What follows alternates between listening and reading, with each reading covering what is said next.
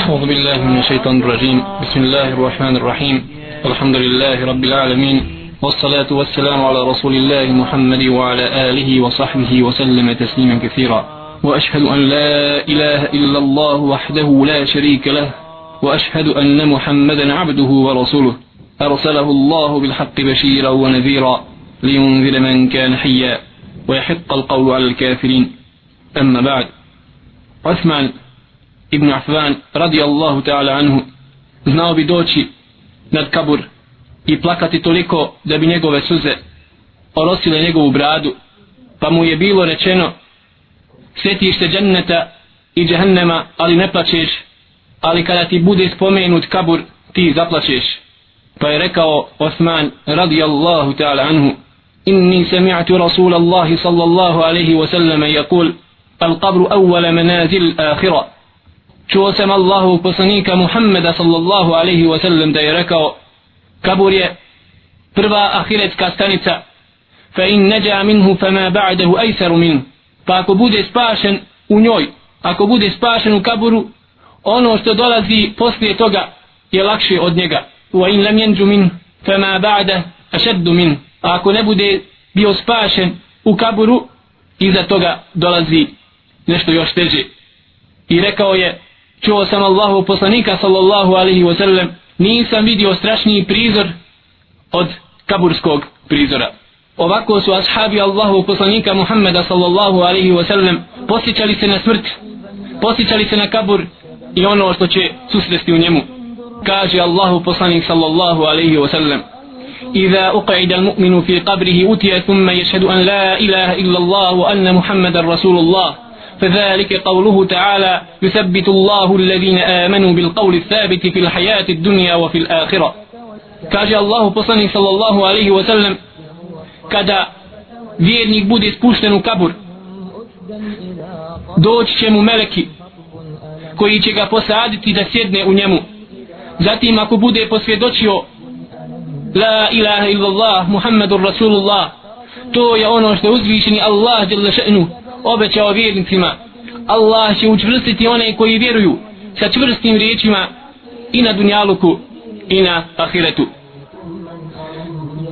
Pitanje dvojice meleka munkera i nekira draga braćo jeste vjerovanje ehli sunnata wal jamaa jeste vjerovanje koje mora vjerovati svaki vjernik i svaka vjernica zato što nas obavijestio Allahu poslanik Muhammed sallallahu alaihi wa sallam u hadisima koji su došli od njega.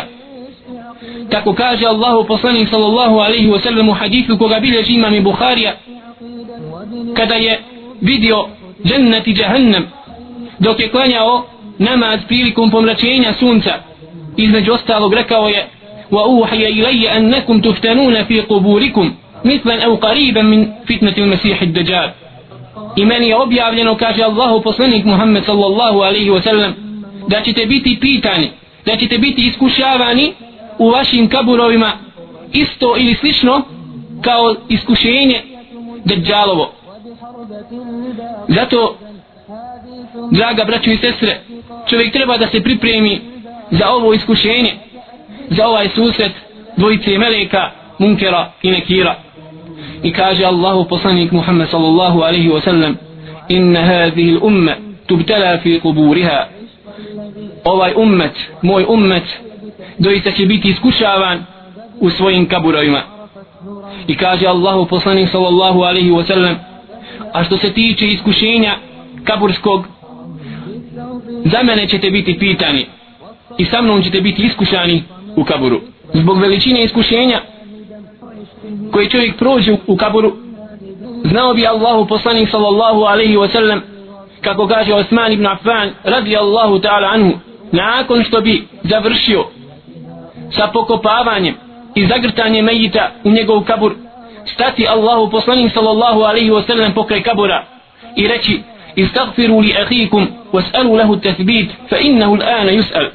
Molite oprosta za svoga brata i molite od Allaha jalla še'nu da ga učvrsti jer doista on sada biva pitan u kaburu ovako draga braćo Allahu poslanik sallallahu alaihi wa sallam nas je podučio sunnetu. Šta treba da radimo nakon što završimo sa pokopavanjem umrloga?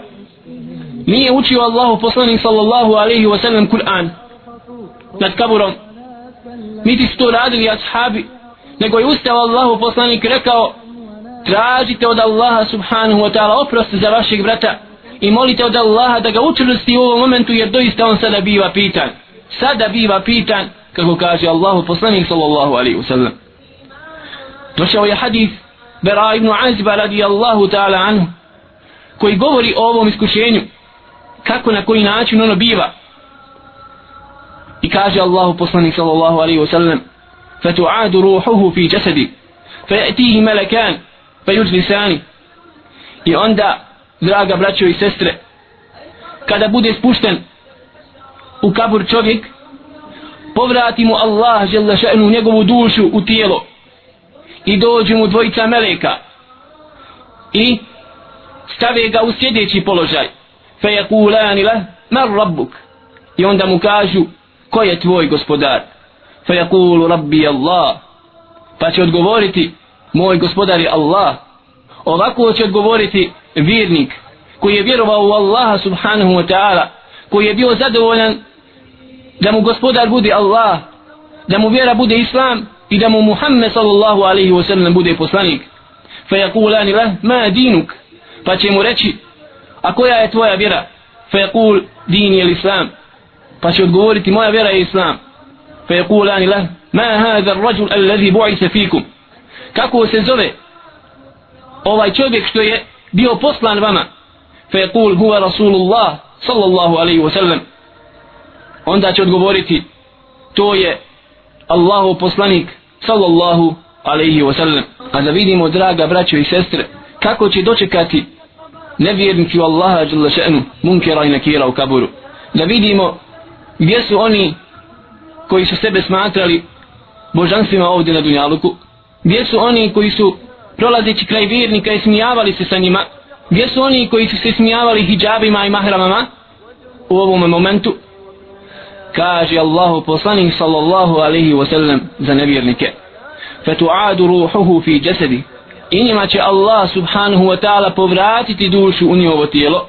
Wa ya'tihi malakani fayujlisani i onda će mu doći dva meleka. Doće mu munker i nekir i posadit će ga da sjedne u kaburu. Fayakulani leh mar rabbuk? I onda će ga upitati ko je tvoj gospodar? Fayakul ha ha la adri. Reći će a, a, ne znam. I pitaće ga za vjeru, isto će tako odgovoriti. Pitaće ga za Muhammeda sallallahu alaihi wa sallam, isto tako će odgovoriti. Ovako, draga braćo, Allahu poslanik sallallahu alaihi wa sallam je opisao stanje ovog iskušenja koje podrazumijeva dolazak dvojicu meleka munkera i nekira prve noći ili prvoga dana u momentu kada bude spušten čovjek u kabur kada će doći pitati ga za gospodara za vjeru i za poslanika. Neophodno je draga braćo i sestre da napomenemo da ovo iskušenje ovo pitanje dvojici meleka i Munkela i nekira desit će se i vjernicima i nevjernicima. Desit će se vjernicima i munaficima i nevjernicima u Allaha subhanahu wa ta'ala. I to je ono što je Allahu poslanik sallallahu alaihi wa sallam napravio razliku od iskušenja, pitanja ove dvojice meleka koji će doći u strašnom obliku, u strašnom liku kako je opisao Allahu poslanik sallallahu alaihi wa sallam, bit će crnog izgleda i moramo napraviti razliku između toga i onoga što će se desiti nakon toga, a što se zove kazna ili nagrada u kaburu. Sada se postavlja pitanje ima li neko da će biti spašen i sačuvan od dolaska ove dvojice meleka. Kaže Allahu poslanik sallallahu alaihi wasallam kada je bio upitan od strane ashaba zbog čega će biti vjernici iskušavani u kaburu osim šehida pa je rekao Allahu poslanik sallallahu alaihi wasallam kefa bi bariqati sujufi ala ra'si fitne dovoljno mu je bilo sjevanje sablji iznad njegove glave iskušenja. Ovako je Allahu poslanik sallallahu alaihi wa sallam obećao da šehid koji je poginuo uzdišući Allahu subhanahu wa ta'ala vjeru i Allahu riječ bit će sačuvan od ovog iskušenja u kaburu.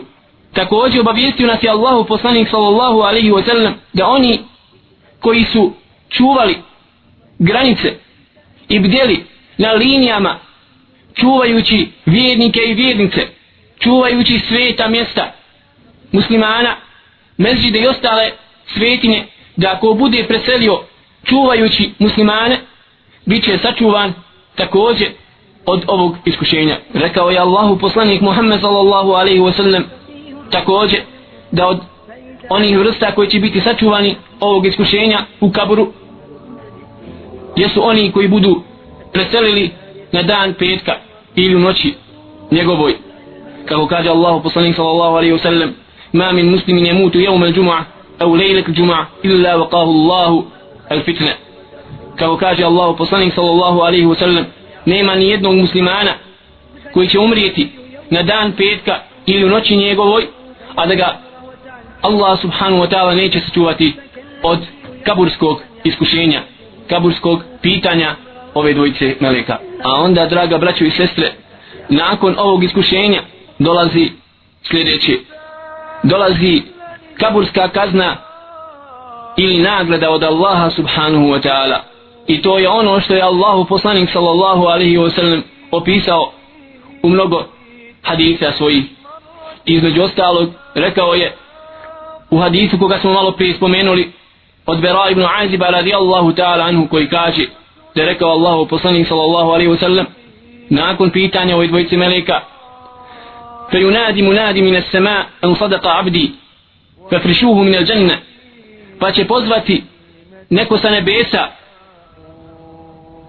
kažu islamski učenjaci da će uzvišeni Allah subhanahu wa ta'ala pozvati sa nebesa istinu je rekao moj rob koji bude posvjedočio njega za gospodara i bude odgovorio na ova pitanja istinu je rekao moj rob zato mu prostrite prostirku od dženneta i otvorite mu vrata kroz koja će gledati u džennet i kaže Allahu poslanik فَيَأْتِيهِ مِنْ رَوْحِهَا وَطِيبِهَا i onda će mu dolaziti kroz njih mirisi iz dženneta وَيُفَسَّحُ لَهُ فِي قَبْرِهِ مُدَّ بَصَرِ i onda će mu se proširiti kabur onoliko dokle dopire njegov pogled i kaže Allahu poslanik sallallahu alaihi wa sallam وَيَأْتِيهِ رَجُلٌ حَسَنُ الْوَجْهِ حَسَنُ الثِّيَابِ طِيبُ الرِّيحِ i doće mu čovjek lijepog lica i lijepe odjeće i prijatnog mirisa i reći će Abšir bil lezi je surruke Hada javmuke lezi kunte tuad Raduj se Raduj se ovo je tvoj dan koji ti je obećan Pa će čovjek upitati Ko si ti Tvoje lice izgleda Kao lice onoga Koji dolazi sa dobrim. Pa će reći Ovaj čovjek Ana ameluke salih. Ja sam tvoje dobro djelo koji si radio na dunjaluku. Fe je Ja rab aqim sa'a hatta arji'a ila ahli wa mali.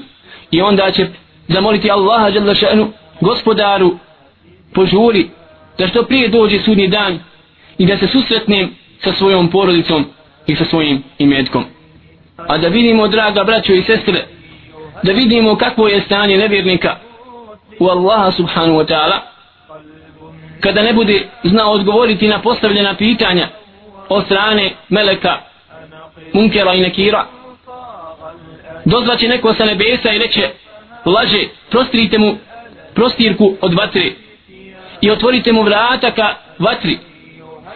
Fejetihi min harriha wa sumumiha.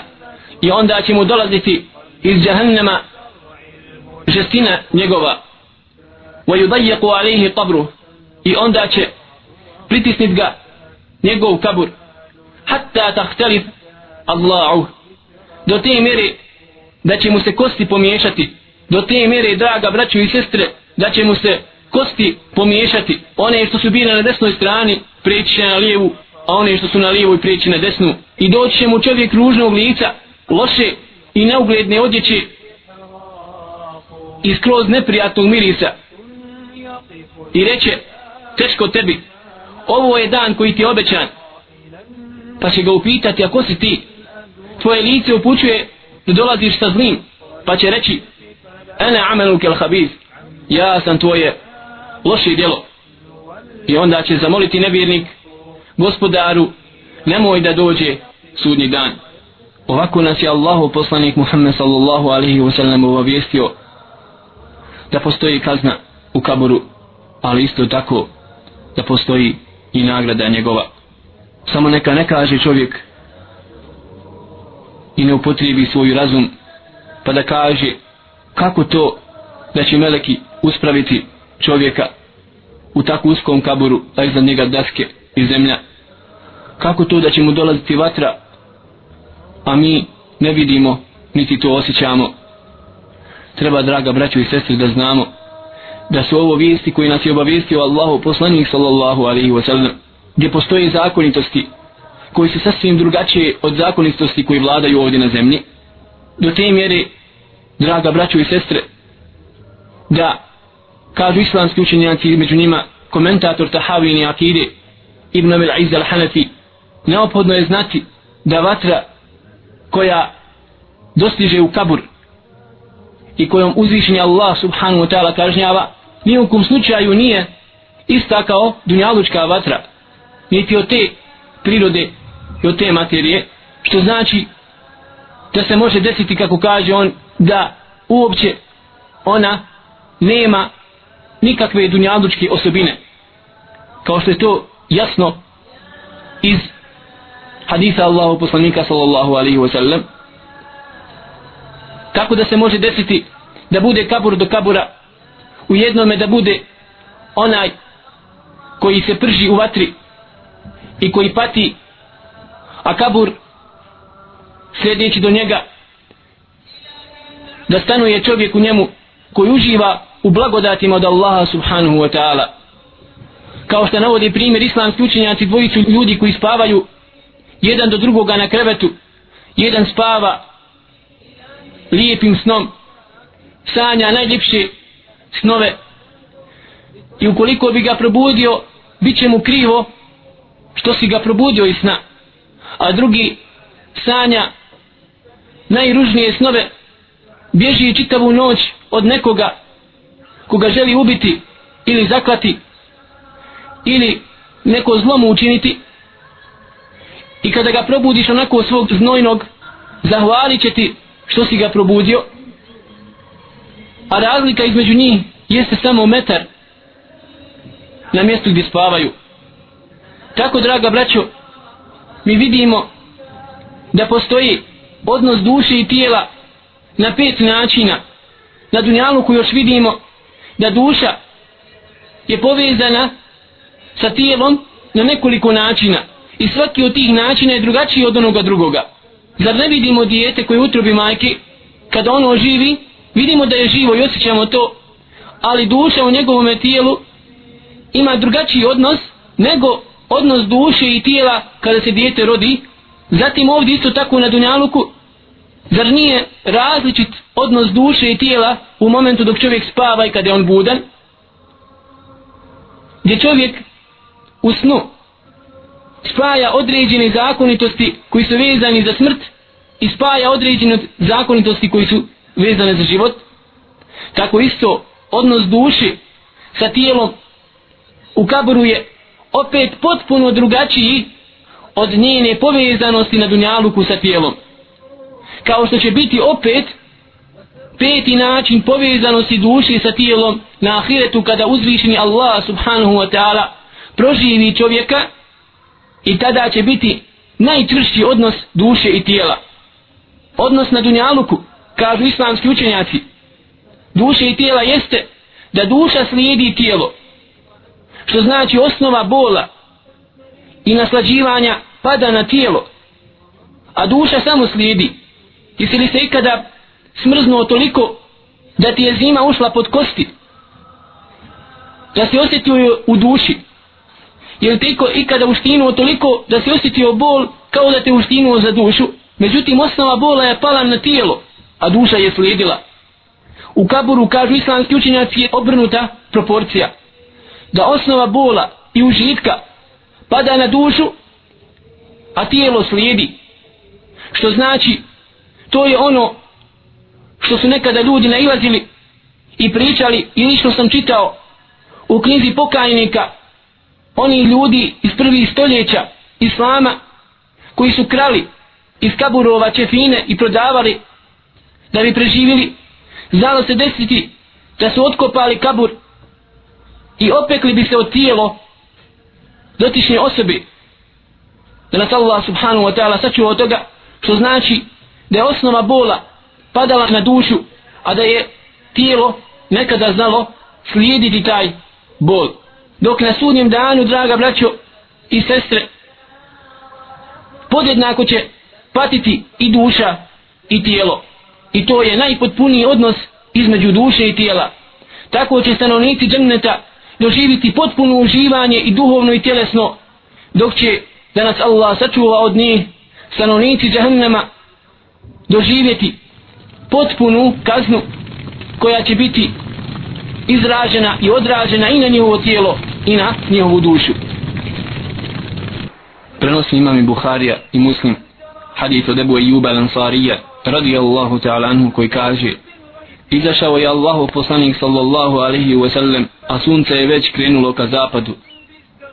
I onda čuo je glas pa je rekao al jehudu tu'azzabu fi kuburiha doista židovi bivaju sada kažnjavani u svojim kaburovima. Također bileži imam i Buharija i Muslim od Ibn Abbasa radijallahu ta'ala anhuma koji kaže prošao je Allahu poslanik sallallahu alaihi wa sallam pokraj dva kabura i onda je rekao doista njih dvojica u kaburu bivaju iskušavani odnosno kažnjavani sada a ono zbog čega bivaju kažnjavani nije veliko. Doista je ono veliko. Što se tiče jednoga od njih kaže Allahu poslanik sallallahu alaihi wa sallam on se nije čistio od male nužde nakon što bi obavio a u drugoj predaji nije se zastirao i zaklanjao se od pogleda ljudi u momentu dok bi obavljao nuždu. A što se tiče drugog on je hodao među ljudima i širio mržnju i neprijateljstvo.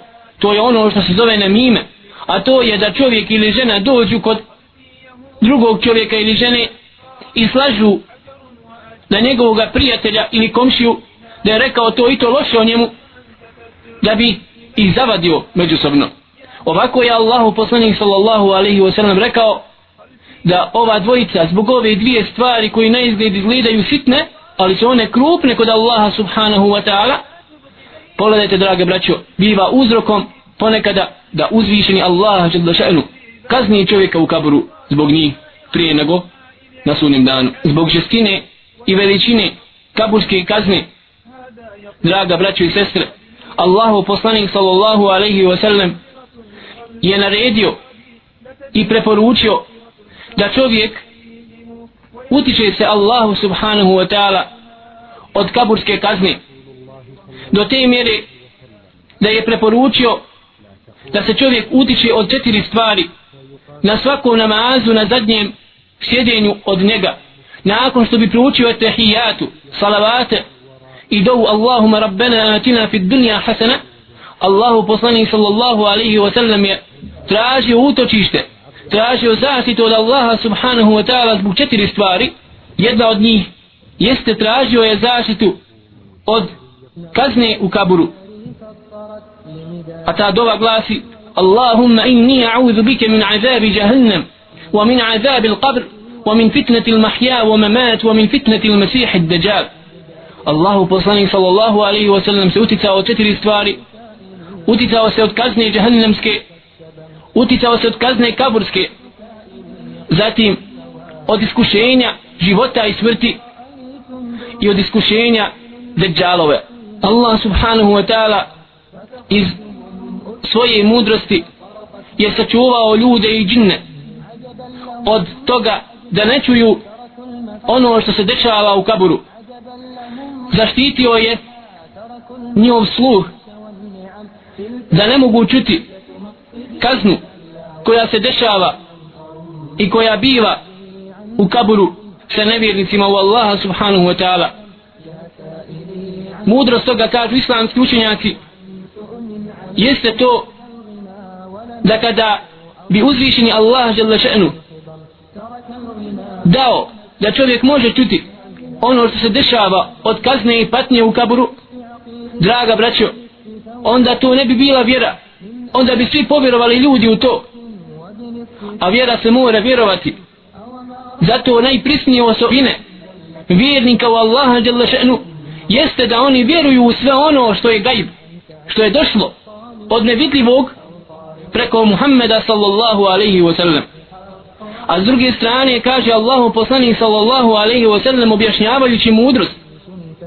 Objašnjavajući mudrost toga da ljudi ne mogu čuti niti džinni šta se dešava u kaburu kako kaže Allahu poslanik sallallahu alaihi wa sallam da se ne bojim da svi ne poumirete zamolio bi Allaha pa da čujete kaznu u kaburu onu koju ja čujem. I kaže Allahu poslanik sallallahu alaihi wa sallam da glas koji čovjek nevjernik ispusti prilikom udarca malja ogromnog malja kojim bude udaren od strane meleka ispusti toliki krik da čuje sva živa i neživa priroda oko kabura osim džina i ljudi. Prošao je Allahu poslanik sallallahu alaihi wa sallam na magarcu i od jedan put naglo se trgnuo magarac i preplašio. I onda vidjeli su ashabi draga braćo i sestre da su to bili kaburovi mušrika. Sada se postavlja pitanje draga braćo i sestre a koji su to uzroci zbog kojih čovjek može biti? Kažnjen u kaburu zbog kojih dijela Allah subhanahu wa ta'ala može kazniti čovjeka u kaburu i dati mu ovu kaznu? Treba da znamo draga braćo i sestre da svaki grijeh općenito na kojem čovjek umre a ne bude se pokajao Allahu subhanahu wa ta'ala prije smrti može biti zbog njega izložen kaburskoj kazni ako mu Allah subhanahu wa ta'ala ne oprosti. Međutim ako se pokaje od njega prije smrti onda onaj ko se pokaje kao da nema grijeha uopće. A što se tiče pojedinačnih dijela nema sumnje draga braćo da na prvom mjestu zbog čega uzvišenje Allah še'nu može da kazni čovjeka jeste širk Allahu še'nu i nevjerstvo u njega. Čak zbog ovoga mi uopće ne sumnjamo kao što se to jasno vidi iz kuranskih ajeta i haditha Allahu poslanika sallallahu alaihi wa sallam da će oni imati u kaburu veliku, veliku kaznu. Također, licemjerstvo u čovjekovom srcu, licemjerstvo koje je zasnovano na potpunom negiranju Allaha Đalešenu u svome srcu, ali se čovjek pretvara u dijelima da je on vjernik. Međutim, oni u svom srcu okorili nevjerniku Allaha Đalešenu, ne vjeruju Allaha niti vjeruje u džennet i u džahnem. Dokaz za ovo jesu riječi Allaha Đalla še'nu.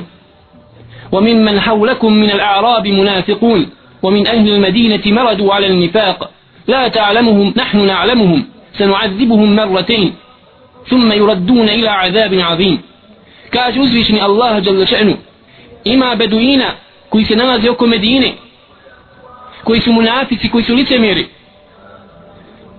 A od stanovnika Medini, zajedno sa Muhammedom sallallahu alaihi wa sallam, postoje munafici. Pa kaže uzvišeni Allah, ti ih ne znaš Muhammede. Mi ih znamo. Mi ćemo ih kazniti dva puta. Kažu islamski učenjaci, komentatori ovog kuranskog ajeta, mi ćemo ih kazniti dva puta, jedan put u kaburu, a drugi put u vatri na sudnjem danu. Također mi smo naveli hadith od Ibn Abbas radijallahu ta'ala anhuma da je Allahu poslanik sallallahu alaihi sallam prošao pokrajno dva kabura. Iz ovog hadisa jasno se može vidjeti da nečišćenje od male nužde od mokraće odnosno nezastiranje od ljudi i pogleda ljudi zatim hodanje među ljudima sijanjem mržnje i neprijateljstva siljem da se oni zavade jesu jasna djela zbog kojih uzvišni Allah subhanahu wa ta'ala može kazniti čovjeka u kaburu. Također rekao je Allahu poslanik sallallahu alaihi wa sallam u hadithu koga bilježi imam i Bukharija i Muslim inna al-mayyita yu'azzabu bi ba'di bukai ahlihi alaihi doista mejit u kaburu biva kažnjavan zbog nekog plaća od njegove porodice za njim. Pazite draga braćo i sestre doista mejit u kaburu biva kažnjavan zbog nekog plaća njegove porodice za njim. Kažu islamski učenjaci imate dvije vrste plaća. Prva od njih jeste plać koji je dozvoljen da čovjek plači za svojim babom ili za svojom majkom ili za djetom i to je ono što je Allahu poslanik sallallahu alaihi wa sallam učinio kada je na njegovom krilu preselio njegov sin Ibrahim alaihi salam. To je ono što je Allahu poslanik sallallahu alaihi wa sallam učinio kada je umro Osman ibn Mad'un radijallahu ta'ala anhu. To je ono što je uradio Ebu Bekr radijallahu ta'ala anhu kada je preselio Allahu poslanik Muhammed sallallahu alaihi wa sallam. Tako da plać suze da poteknu iz očiju čovjeka jesu dokaz milosti u njegovom srcu. Pa rekao Allahu poslanik sallallahu alaihi wa sallam men la yurham la yurham. Onaj ko se ne bude smilovao nekome neće mu se biti smilovano. Međutim draga braćo ono što je zabranjeno u ovom hadisu jeste druga vrsta plaća. Plać koji draga braćo biva sa dizanjem glasa prilikom plaća. Do te mjere da čovjek udara sebe po licu ili čupa kosu pogotovo kada je ova stvar u pitanju kada je u pitanju žene ova stvar se dešava kod njih. Da udaraju sebe po licu ili da čupaju kosu ili da čupaju odjeću sa sebe. Zato je Allahu poslanik sallallahu alaihi wasallam oštro zaprijetio ove radnje do te mjeri da je rekao lehi se minna men šeqa al džujub wa latama al hudud wa da'a bi da'wa al nije od nas onaj ko sebe udara po licu za umrlim ili kida odjeću oko vrata sa sebe ili priziva džahilijetskim neznaličkim riječima i dobama kao da viče o ti taj i taj. Da nariče za njim kao što je to poznata praksa kod kršćana i židova. Zato draga braćo i sestre ako želimo hajr dobro svome umrlom babi ili majci moramo se strpiti a pogotovo prilikom onog prvog udarca u prvom naletu kada do nas dođe i dopre vijest o smrti našeg najbližeg.